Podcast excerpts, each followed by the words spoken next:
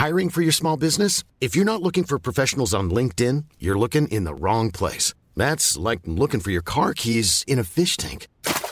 LinkedIn helps you hire professionals you can't find anywhere else, even those who aren't actively searching for a new job but might be open to the perfect role. In a given month, over 70% of LinkedIn users don't even visit other leading job sites. So start looking in the right place. With LinkedIn, you can hire professionals like a professional. Post your free job on linkedin.com slash people today. There's never been a faster or easier way to start your weight loss journey than with PlushCare. PlushCare accepts most insurance plans and gives you online access to board-certified physicians who can prescribe FDA-approved weight loss medications like Wigovi and Zepbound for those who qualify. Take charge of your health and speak with a board-certified physician about a weight loss plan that's right for you. Get started today at plushcare.com slash weight loss. That's plushcare.com slash weight loss. plushcare.com slash weight loss. Here's a cool fact. A crocodile can't stick out its tongue. Another cool fact, you can get short-term health insurance for a month or just under a year in some states. United Healthcare short-term insurance plans are designed for people who are between jobs, coming off their parents' plan, or turning a side hustle into a full-time gig. Underwritten by Golden Rule Insurance Company, they offer flexible, budget-friendly coverage with access to a nationwide network of doctors and hospitals. Get more cool facts about United Healthcare short-term plans at uh1.com. Programmet presenteras i samarbete med Kraft, ett hjärta som klappar för hästfoder.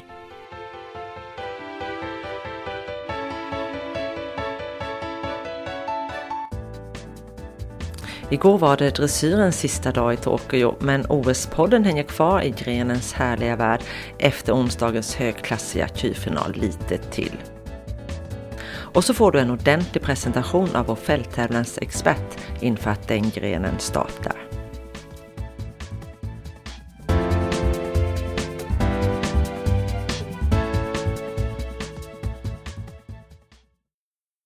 Nu när det här spelas in så har det gått några timmar sedan OS-dressyren avslutades med kyrfinalen i Tokyo. Och jag, Anneli Frank, sitter här med ridsports medarbetare Elisabeth Hoff som skriver mycket dressyr för tidningen. Vi ska sammanfatta det vi har upplevt och sett under de här dagarna och, och vad är mest slående för dig Elisabeth? Eh, ja, det är naturligtvis alla fantastiska ritter, men kanske ännu mer att det var sånt otroligt hög lägstanivå. Ehm, jag, vet, jag kan inte säga att det aldrig har varit det, men det känns ju som att det var en helt ny nivå. Ehm, och så många då liksom nykomlingar och från länder som var för första gången med i OS. Ehm, jag visste inte ens att de hade dressyrryttare som red Jättefint! Eh, ja, det var, eh, det var nog helt ny nivå på det här. Mm.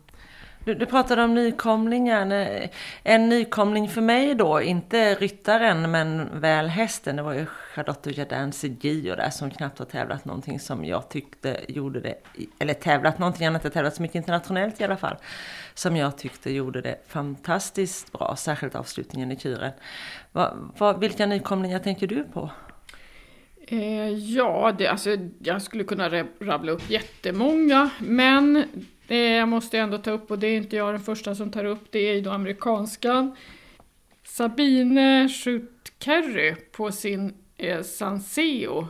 Och man kan ju säga att hon har slagit världen med häpnad om man får använda en sån klyscha. Mm. Men det har hon verkligen gjort. Eh, så bara det var 50 plus, debutera i OS och på det sättet. Hon var ju alltså eh, femma nu i Kyren.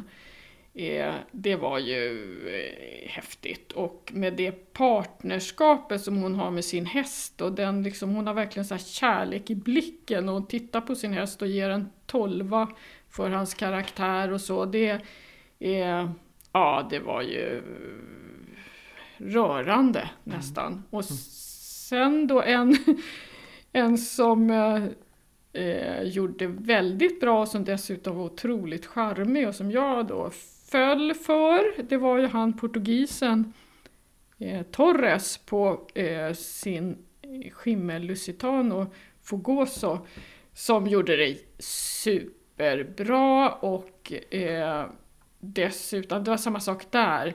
De var, hästen var helt avspänd, ryttaren bara njöt av att få vara där. Och han var så glad efter kyren, alltså han grät. Det var, äh, det var, eh, ja man blir glad. Mm. Då kan jag flika in, för jag jobbar ju hemifrån då som så många andra i dessa tider och har en vän på besök här som inte alls är intresserad av hästar och dressyr. Det finns faktiskt sådana människor. Och när hon gick förbi då, hon gick förbi när eh, han red och stannade till och verkligen fastnade och följde det här ekipaget och kunde liksom inte riktigt slita sig.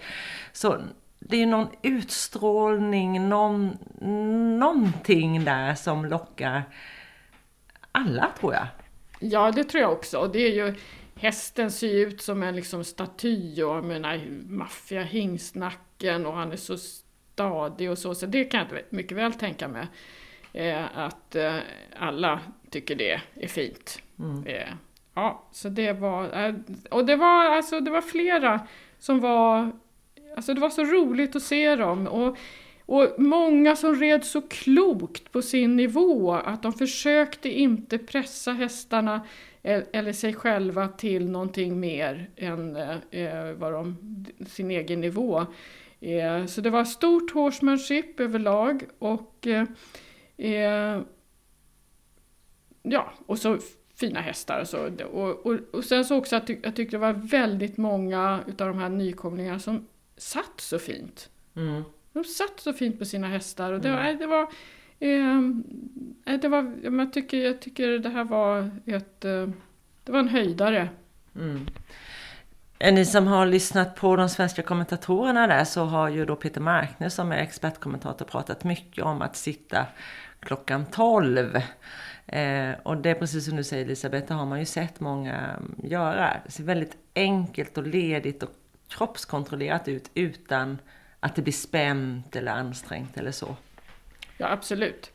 Eh, och sen så tycker jag också, det, man, det ser ju ut också som Eh, nu de här Lusitanes, de är ju som de är. Eh, men de har väl också, inte vet jag hur de har jobbat med sin avel, men de, det är möjligt att de har också för den här Fogoso, han hade ju riktigt fina ökningar mm. för att vara då sån här andalusier. Och, eh, så det är möjligt att de också har jobbat på något sätt med sin avel för att få fram då mer moderna dressyrhästar. Det vet jag ingenting om, men vi vet ju mycket väl då med halvblodsaveln, hur den har utvecklats och det ser man ju verkligen nu. Det är ju... Eh, Vad tänker du då? Vad tänker du då? Nej men det är ju atleter, de, är, de, är, de gör det så enkelt och, eh, eh och då...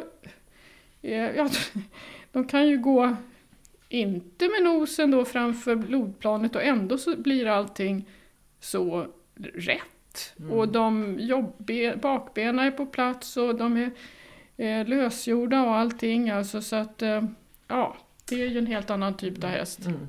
Ja, men det har man ju sett några gånger att passagen ser ut som en fjärde gångart. Eh, hos många det ser ut som att de skulle kunna hålla på där hur länge som helst. Mm. Eh, och i, i, i, min värld, det man har med sig sedan långt tillbaka, är att det är väldigt jobbigt och, och sådär. Men hos många ser det ju enkelt ut idag. Ja, ja, ja men visst, alltså, de är verkligen födda till det här. Mm. Eh, så att, eh, och, nu, och du pratade om då eh, Gio, mm. och jag måste också då flika in här, så det är ju det är ju imponerande. Komma med en tioårig häst som har gjort, jag tror det var två internationella starter och så ta med den till ett OS och då måste hon, hon måste ju verkligen vara säker på deras då eh, kompanjonskap eller vänskap eller vad man ska mm. säga. Partnerskap. Partnerskap precis. Eh, och eh, det visade sig, det var ju helt lätt och vad jag hörde, jag hörde en engelsk eh, kommentator som sa att det är tydligen så den här Gio, han bara avgudar Charlotte och gnäggar så fort han hör henne på långt håll och eh, eh, han verkligen älskar henne och vice versa skulle jag vilja säga. Mm, mm. Eh, så att, eh, och även Karl Hesters eh, Anvog har ju inte heller, han hade gjort en, ett par starter internationellt och eh, tydligen då ett nervknippe i botten och sen då så ändå så blir han så lugn med Karl Hester. Mm. Det kan vi ju lägga till då att det är ju Charlotte, den som äger den hästen tror jag.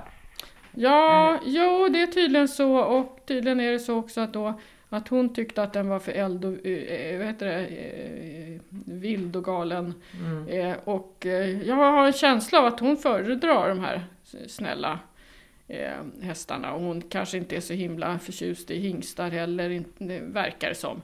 Så att, ja. Mm.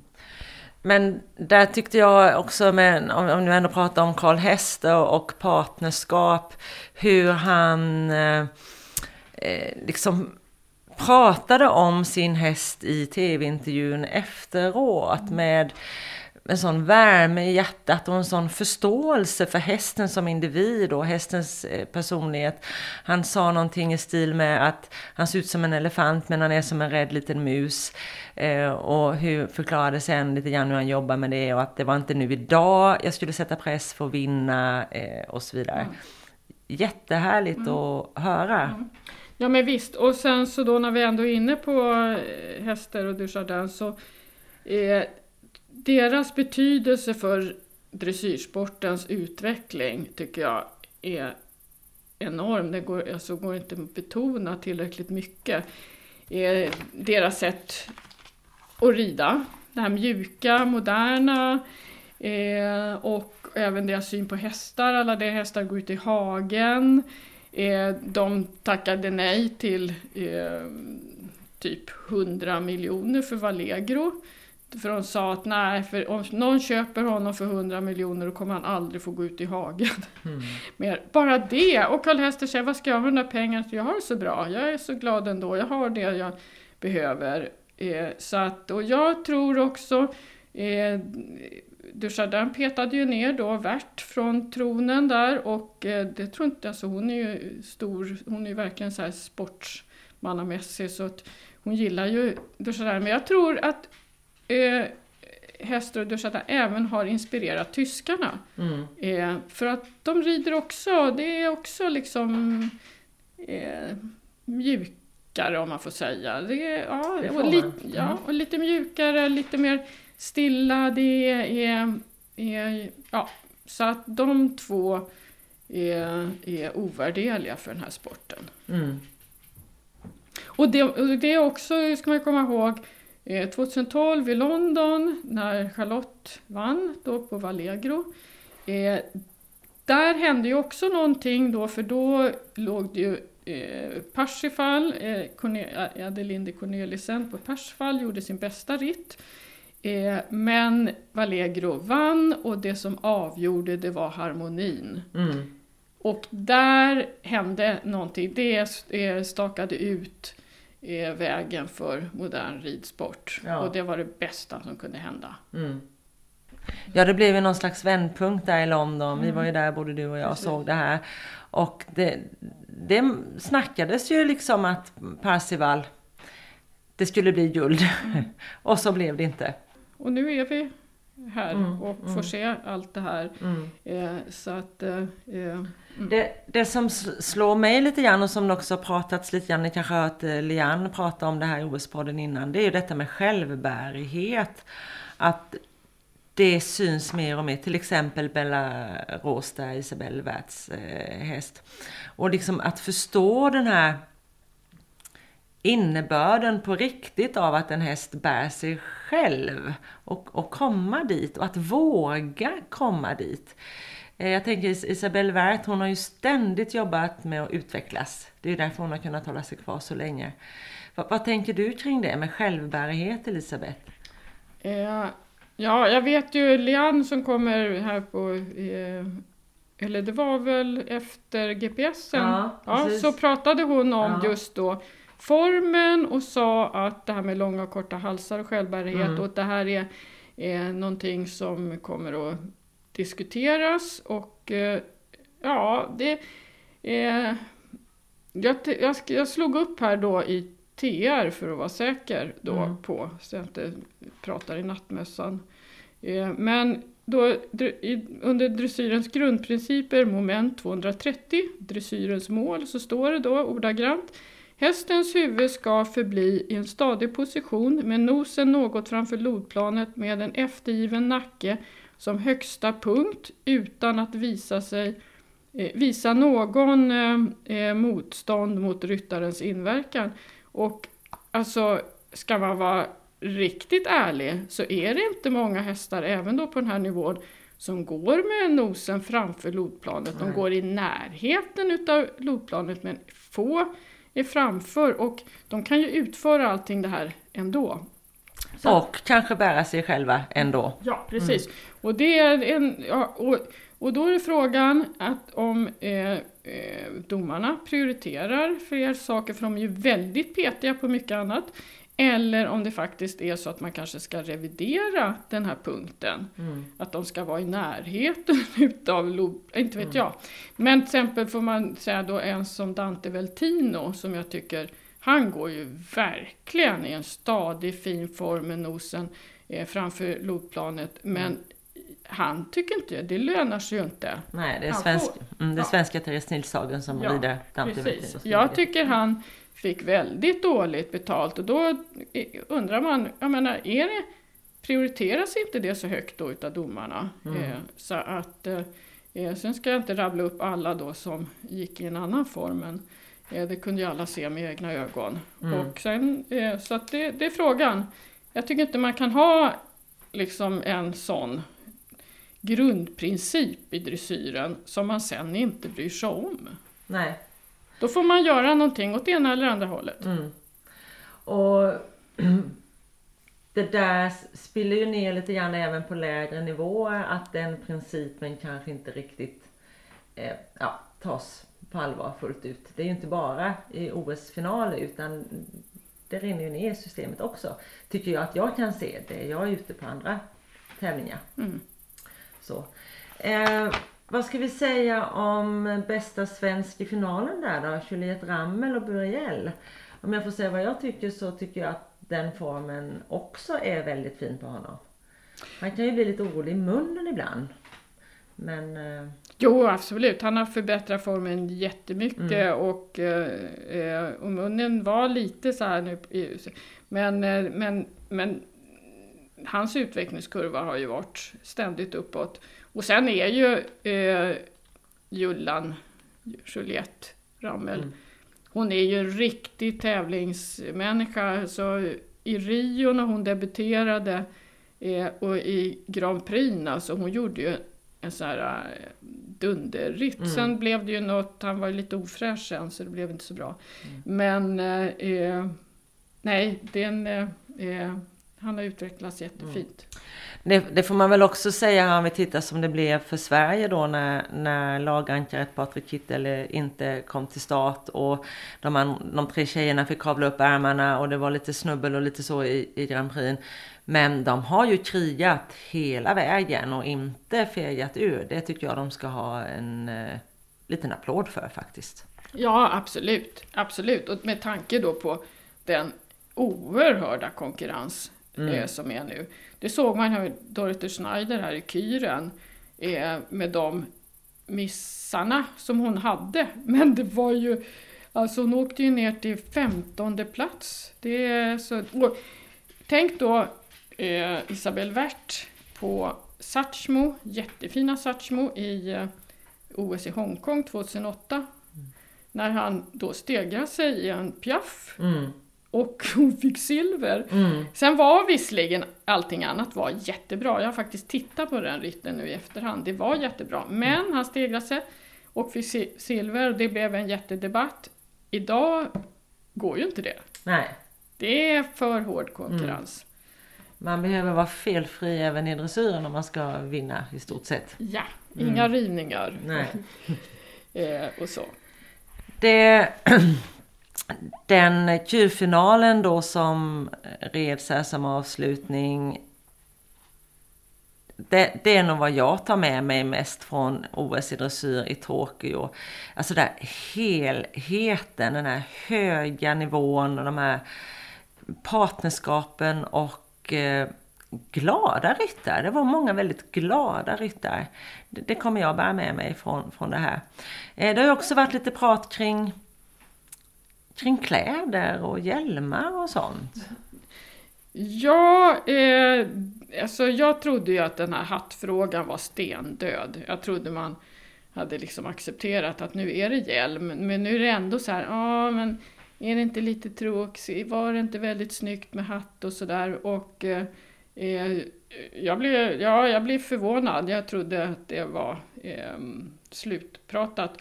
Och sen, det är ju eh, för mig är det liksom självklart att de ska ha hjälm. Jag tycker det ser sportigare ut, det är modernare. Dessutom så är det inte så många som klär i hatt om de tror det. Eh, mm. Så att det är ju... Nej, jag, det, jag hoppas inte att det blir en ny diskussion om det. Nej, jag kan bara hålla med. Eh, det kan vara tråkigt att ha två stycken prata som tycker precis likadant. Men när det gäller eh, hjälmar så är det ju liksom, ja men det är ju en icke-fråga. Jag säger som du Lisa, hur kan det ens vara uppe på bordet? Mm. Eh, sen en annan sak som var kul nu, det var ju eh, då Hollands, eller Nederländerna ska man säga, eh, deras eh, frackar mm. Eh, som var då eh, orangea, mm. det som är deras nationalfärg. och det blev ju väldigt effektfullt med då tre svarta hästar. Sen kan man undra så här, om, kunde det ha funkat om de hade tre fuxar? Jag, vet mm. inte. Det är möjligt, det är möjligt. Till, till bruna hästar hade det säkert mm. sett lite häftigt ut. Men, eh, men nu blev det ju liksom, det, det såg ju skithäftigt ut. Och så skulle jag tänka om Danmark kan börja rida röda frackar. Mm. Mm. Eller någonting sånt där. Sen tyckte jag då Sveriges eh, frackar var ju väldigt diskreta men väldigt snygga. Mm. Eh, och dessutom då så var de i något nätmaterial för att andas så att de inte skulle vara så varma.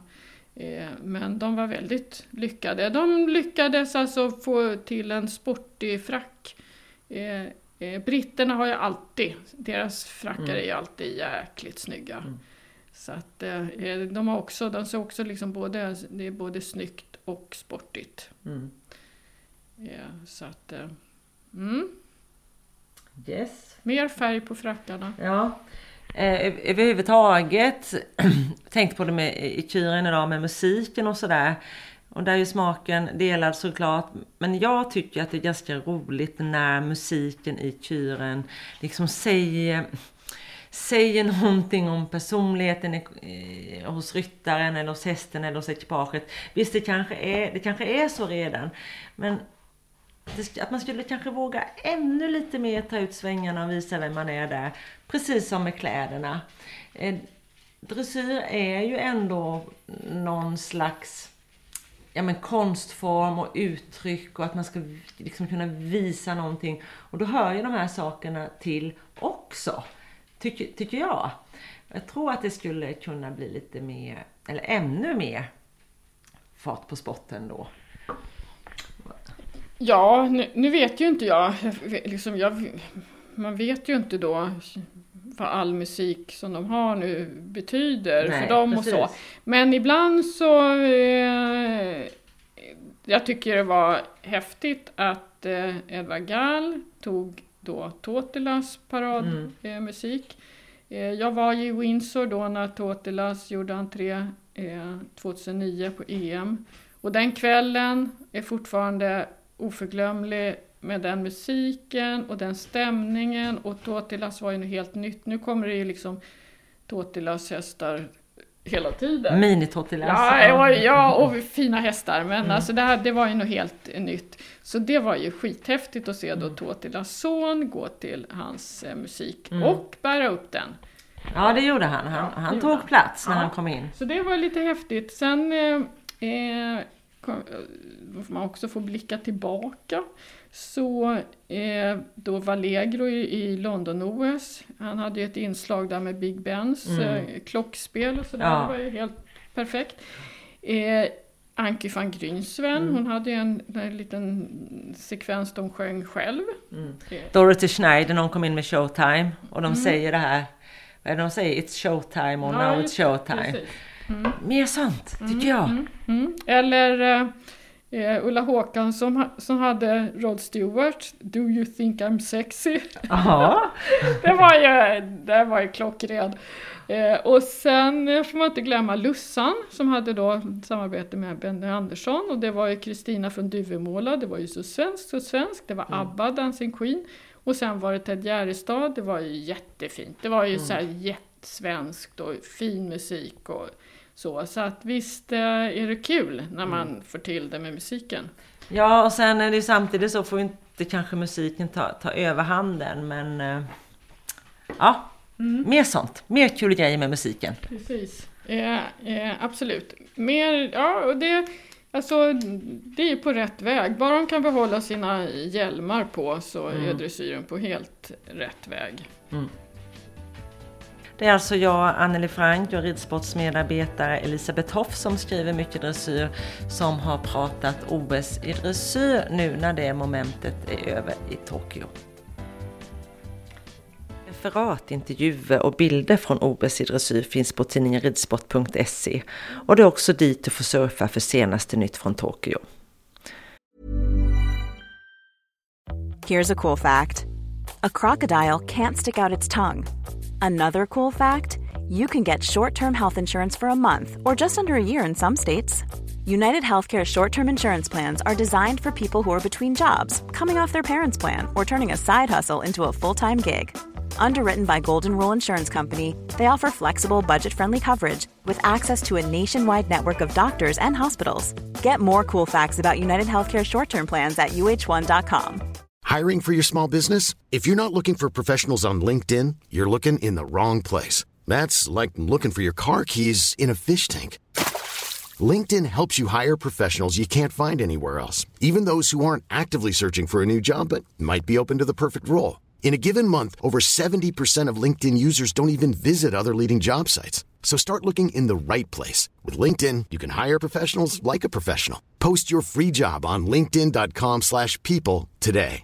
Hi, I'm Daniel, founder of Pretty Litter. Did you know cats tend to hide symptoms of sickness and pain? I learned this the hard way after losing my cat, Gingy. So I created Pretty Litter, a health monitoring litter that helps detect early signs of illness by changing colors, saving you money and potentially your cat's life. Pretty Litter is veterinarian developed, and it's the easiest way to keep tabs on your fur baby's health right at home. Go to prettylitter.com and use code ACAST for 20% off your first order and a free cat toy. Terms and conditions apply. See site for details. Many of us have those stubborn pounds that seem impossible to lose, no matter how good we eat or how hard we work out. My solution is PlushCare. PlushCare is a leading telehealth provider with doctors who are there for you day and night to partner with you in your weight loss journey. They can prescribe FDA-approved weight loss medications like Wagovi and Zepbound for those who qualify. Plus, they accept most insurance plans. To get started, visit plushcare.com slash weight loss. That's plushcare.com slash weight loss. Hey, it's Ryan Reynolds, and I'm here with Keith, co-star of my upcoming film, If, only in theaters May 17th. Do you want to tell people the big news?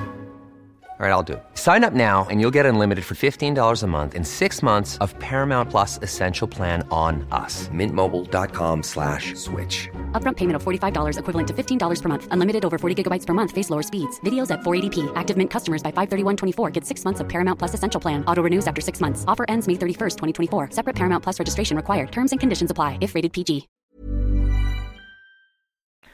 Och nu till OS-poddens dressyrexpert Lian Wachtmeister och hennes reflektioner över Tjurfinalen. Jag tänkte jag skulle börja med att påannonsera lite musikens väg in i dressyren. Därför att det har en förhistoria som jag tror att inte alla känner till. Det var nämligen så att Erik Lette som var dels internationell toppdomare inom dressyren och dels var han ordförande i FIs, den internationella dressyrkommittén, mellan åren 1993 och 2001. Och eh, han berättar att eh, det fanns ju gamla traditioner att rida till musik. Redan på 1800-talet så hände det att, att dressyren ackompanjerades av en blåsorkester. Men inom dressyren så har det varit en lång resa innan musiken blivit fullt ut accepterat. Och de första trevande stegen togs på 1950-talet i Tyskland där det förekom att militärorkestrar spelade marschmusik medan ryttare och hästar visade upp dressyrprogram på lokala tävlingar. Men det här var helt och hållet faktiskt eh, Erik Lettes förtjänst. För han kände att bollen var i rullning och eh, med tiden så kom musiken att bli allt mer accepterad även i tävlingssammanhang. 1993 så förekom Kyr för första gången i världskuppen. Dock var den inte tillåten i EM, VM och OS. Vid den tiden var Erik Lette då som sagt ordförande i dressyrkommittén och han drev en kamp för att införa KYR även vid VM och OS. Och ni anar inte, motståndet var kompakt. 90 av världens främsta ryttare och tränare skrev under en protestlista. Det är nästan som man inte kan tro det idag. Men som Erik påpekar så är dressyrryttare ofta ganska konservativa. Men han lät sig inte avskräckas och till slut var tiden mogen så vid OS i Atlanta 1996 gjorde Kyren debut i det allra finaste tävlingssammanhanget OS. Innan dess hade inte sporten varit någon större publikmagnet och Internationella olympiska kommittén, IOK, var rent av tveksam till dess status som olympisk gren. Men för Erik så var det den största drivkraften att behålla dressyren som olympisk gren och hålla intresset för sporten levande. Och så blev det. Den ambitionen lyckades. Och tidigare hade dressyren lockat få åskådare jämfört med hästhoppningen, men med kyren kom den att bli lika populär. Och den blev kvar för att stanna. Jag tänkte summera lite de främsta placeringarna i finalen i Grand Prix Kyr och finalen i OS. Och vann gjorde Tysklands Jessica von Bredow Werndl på sin Dalera, 14 år gammal. Hon presenterade ett absolut optimalt samspel mellan häst och ryttare. Hon red till någon lite slager slash jazzvariant gjorde helt perfekt utförande av Piaf passagerepriserna. Så fin kontakt, lätt kontakt, lugnt ridet, aktivt ridet, bra skritt, en bild av självbärighet. Hon fick 9,9 i svårighetsgrad och 10 i musik och slutade på 91,732. Det var helt strålande att se. Sen på andra plats kom ingen mindre än Isabelle Wert på sin Belarus, 16 år. Och hon red till opera som hon har ridit till förut. Och det var helt otroligt. Eh, gjort med sån stuns, sån gest, sån Isabel Isabelle Wert, jag finner inte orden för hon har en sån utstrålning av både humor och värme och kärlek till hästen och inte minst ridkänsla ut i fingerspetsarna. Och hon rider på en härlig lätt kontakt och eh, det finns liksom ett temperament i när hon rider. Och hon var helt lycklig när hon avslutade. Men hon blev slagen med väldigt lite men dock. Hon fick 89,657 på tredje plats i kyren kom Englands Charlotte Dujardin på sin lille Gio.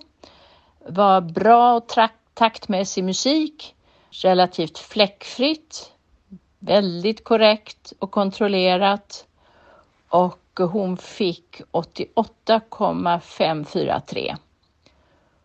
På fjärde plats kom eh, Danmarks Katrin Dufour på Bohemien. Hon utförde en väldigt, väldigt fin Piaf Passage-repris. Den var stundtals en aning kort i formen, men det var väldigt bra musik, tufft program, härlig avslutning både sång och musik och allting helt i takt.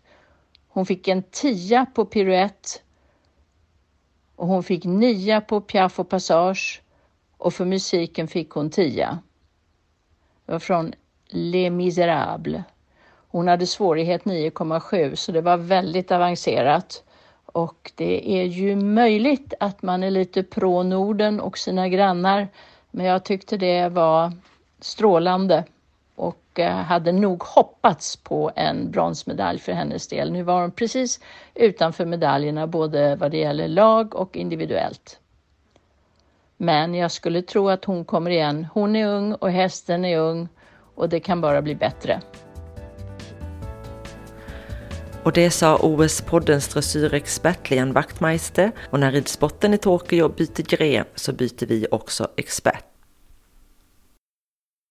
Programmet presenteras i samarbete med Kraft, ett hjärta som klappar för hästfoder.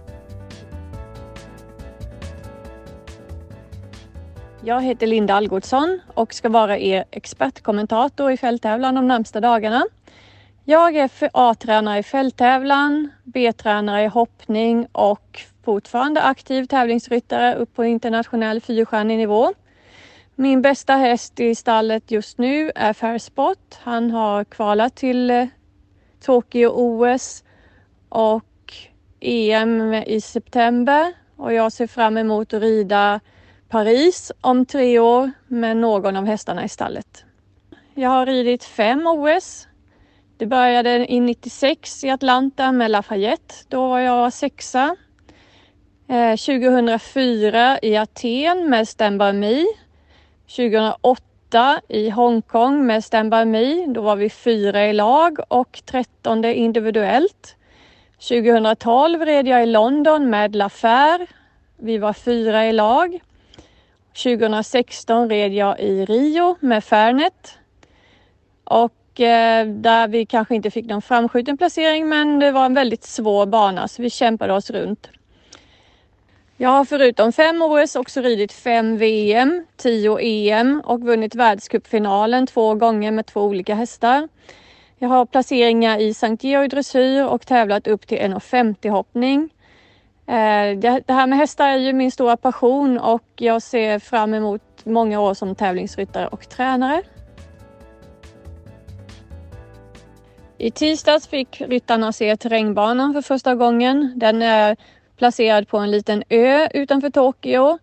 Eh, bansträckningen ser ganska slingrigt ut på kartan. Det är ju ett litet område så därför så ska man få ut så mycket sträcka som möjligt på liten yta vilket gör då att eh, den är svängigt och det är ganska kuperat område och mycket småkullar. Lite puckelpistkänsla. Eh, banan har de förkortat till eh, från att kanske ridit eh, 12 minuter eh, max sträcka till 7.45 7 minuter och 45 sekunder. Den eh, verkar vara in, ganska tekniskt svårt men inte så överdrivet maxat stort. Det var alltså OS-poddens fälttävlansexpert Linda Algotsson som vi kommer få höra mycket mer av de närmaste dagarna. På tidningen ridsport.se finns det mycket att läsa om det svenska fälttävlanslaget i Tokyo redan. Och tidigare har du kunnat höra en genomgång av fälttävlanshästarnas härstamningar här i podden. Och nej, var inte orolig, vi har inte glömt bort hoppningen den svenska hopptruppen består av Peder Fredriksson, HM All In, Henrik von Eckermann, King Edward, Malin Bajard Jonsson, HM Indiana och Rolf-Göran Bengtsson, Ermindo W.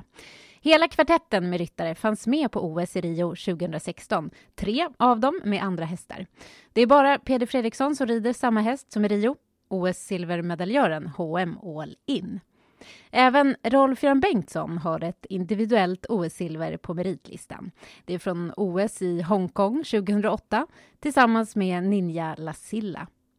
Bengtsson, Fredriksson och Bojard Jonsson har också tagit ett lagsilver tillsammans tidigare. Detta vid OS i Aten 2004. Förbundskapten Henrik Anka-Krona är trygg i valet av ekipage. Inte minst när det gäller Peder Fredriksson som har bevisat om och om igen att han kan prestera när det verkligen gäller. En värdefull ryttare som har en häst med den rutin som krävs, säger Anke Krona till Ridsport.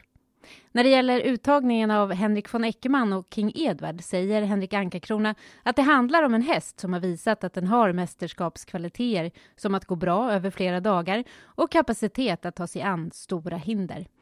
Ankarkrona beskriver också Henrik som en otroligt stark ryttare med mycket erfarenhet av mästerskap.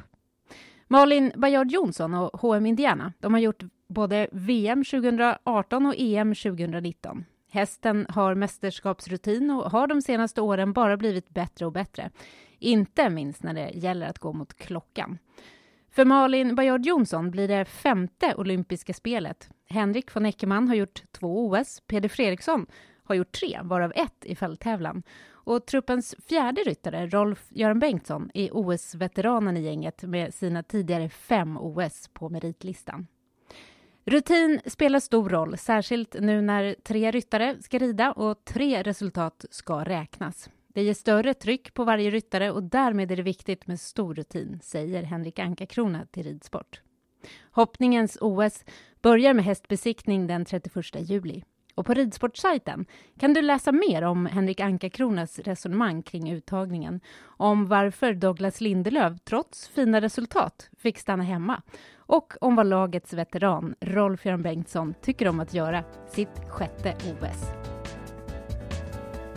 Du har lyssnat på Ridsports OS-podd med Anna Nyberg och mig, Anneli Frank. Den inlästa texten från tidningen ridsport.se är skriven av mig. Mom deserves the best, and there's no better place to shop for Mother's Day than Whole Foods Market. They're your destination for unbeatable savings, from premium gifts to show-stopping flowers and irresistible desserts. Start by saving 33% with Prime on all body care and candles. Then get a 15-stem bunch of tulips for just $9.99 each with Prime. Round out Mom's menu with festive rosé, irresistible berry chantilly cake, and more special treats. Come celebrate Mother's Day at Whole Foods Market. Planning for your next trip? Elevate your travel style with Quince. Quince has all the jet setting essentials you'll want for your next getaway, like European linen, premium luggage options, buttery soft Italian leather bags, and so much more. And is all priced at 50 to 80% less than similar brands. Plus, Quince only works with factories that use safe and ethical manufacturing practices. Pack your bags with high-quality essentials you'll be wearing for vacations to come with Quince. Go to quince.com/pack for free shipping and 365-day returns. Mom deserves the best, and there's no better place to shop for Mother's Day than Whole Foods Market. They're your destination for unbeatable savings, from premium gifts to show-stopping flowers and irresistible desserts. Start by saving 33% with Prime on all body care and candles. Then get a 15-stem bunch of tulips for just $9.99 each with Prime. Round out Mom's menu with festive rosé, irresistible berry chantilly cake, and more special treats. Come celebrate Mother's Day at Whole Foods Market. Programmet presenteras i samarbete med Kraft, ett hjärta som klappar för hästfoder.